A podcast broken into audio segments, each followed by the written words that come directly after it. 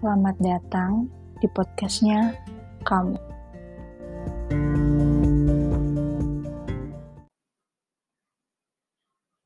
Aku boleh nggak minta kamu untuk berhenti sejenak dari apa pun yang kamu lagi lakuin sekarang? Aku minta tutup mata kamu selama tiga detik sambil pikirin baik-baik jawaban dari pertanyaanku ini. Siap? Gimana kabar kamu hari ini? Are you okay? Mungkin kedengaran sepele, tapi ini hal penting yang sering kita nggak sengaja abaikan. Kalau jawaban kamu baik, aku turut bahagia ya. Ikut bersyukur kalau kehidupan kamu akhir-akhir ini berjalan baik-baik aja. Karena untuk merasa baik-baik aja itu hal yang patut kita syukuri. Tapi kalau jawaban kamu gak baik-baik aja, gak apa-apa. Kita gak bisa selalu baik-baik aja atau pura-pura baik-baik aja. Untuk sadar kalau kamu lagi enggak baik-baik aja tuh udah merupakan hal yang bagus. Artinya kamu sadar sama keadaan kamu saat ini. Kamu tahu nggak, banyak orang yang nggak sadar kalau dia lagi nggak baik-baik aja dan malah berakting seolah-olah semuanya berjalan lancar. Hidup ini kan memang tentang perkara bahagia dan sedih, datang dan pergi, mendapatkan dan kehilangan, tertawa dan menangis. Iya, memang begitulah cara hidup berjalan. Di hidup ini, kamu nggak bisa selalu bahagia dan nggak pernah sama sekali merasa sedih. Begitupun sebaliknya. Hidup kamu nggak mungkin selalu sedih, kecewa, dan pahit tanpa pernah kamu ngerasain adanya bahagia. Semuanya memang harus kita laluin. Menyangkal kalau kamu lagi nggak baik-baik aja itu memang terasa lebih mudah ya daripada mengakui dan menerima. Padahal perasaan gak baik-baik aja itu juga perasaan loh. Sama seperti perasaan waktu kamu bahagia. Kenapa kamu harus menyangkal dia? Bukannya dengan gak mengakui rasa sedihmu itu, kamu malah mengurung perasaan itu rapat-rapat di hatimu ya? yang nantinya bakalan numpuk lagi dan lagi. Gak tahu kapan meledaknya. Sebenarnya, apa sih alasan kamu menyembunyikan perasaan gak baik-baik aja itu? Toh, gak ada yang memaksakan kamu untuk selalu kuat, untuk selalu baik-baik aja. Kamu takut dianggap lemah, atau kamu takut jadi membebani orang dengan keadaan. Ayolah, kamu juga manusia. Kasihan perasaan kamu kalau harus ditahan terus. Menangislah di saat kamu ingin menangis, tertawalah di saat kamu ingin tertawa. Jangan biarkan kamu menahan diri hanya karena takut merasa lemah. Kamu lemah kalau kamu gak mau menghadapi perasaan itu tapi malah lari dan gak menganggap dia ada.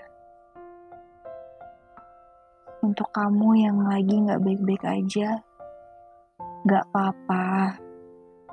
Bukannya kita bisa dapetin lebih banyak hal ya waktu kita lagi gak baik-baik aja, dibanding waktu hidup kita terasa lancar-lancar aja. Jatuhmu memaksa kamu untuk bangkit dan ngajarin kamu untuk lebih kuat karena waktu kamu jatuh, kamu lebih hati-hati dan jadi lebih aware sama diri sendiri. Kecewamu itu masih tahu kalau kamu gak bisa menaruh kebahagiaan di orang lain. Karena pada dasarnya manusia memang mengecewakan. Kamu diajarin sama kecewa itu buat bisa ngandelin dirimu sendiri lebih dari orang lain belajar berdiri di atas kaki sendiri. kalau kebahagiaanmu itu tanggung jawabmu. Air matamu pun gak buruk sama sekali. Itu pertanda kalau kamu kuat. Katanya air mata bisa membersihkan hati. Itulah kenapa sehabis menangis, perasaan kita bisa jauh lebih lega. Sih, gak baik-baik aja itu gak apa-apa.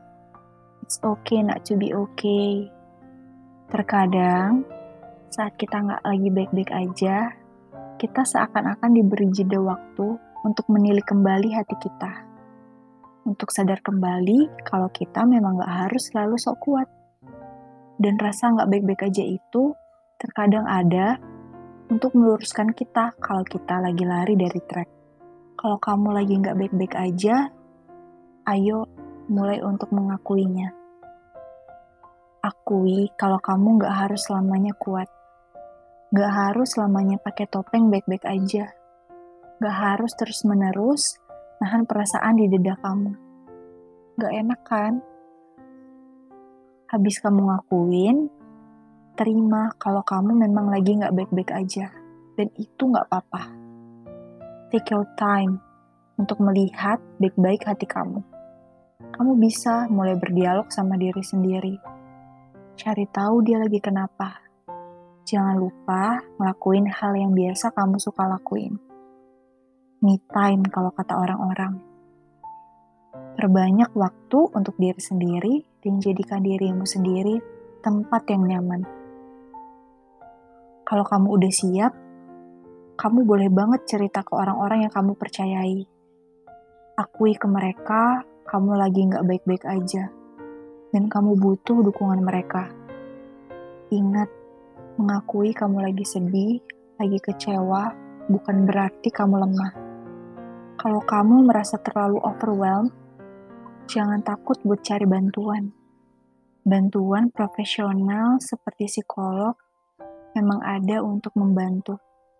Jadi, jangan pernah takut dijudge kalau kamu seek for help, karena kesehatan mental kamu sama pentingnya sama kesehatan fisik kamu. Aku pernah ngerasa sama sekali nggak baik-baik aja. Kayak semua nggak ada yang berjalan dengan baik. Tapi di lain sisi, aku nggak mau orang lain tahu kalau aku lagi sedih. Aku mau semua orang cuma bisa ngeliat wajah bahagiaku aja. Malamnya nangis, besoknya udah ketawa-ketawa, nggak ada beban.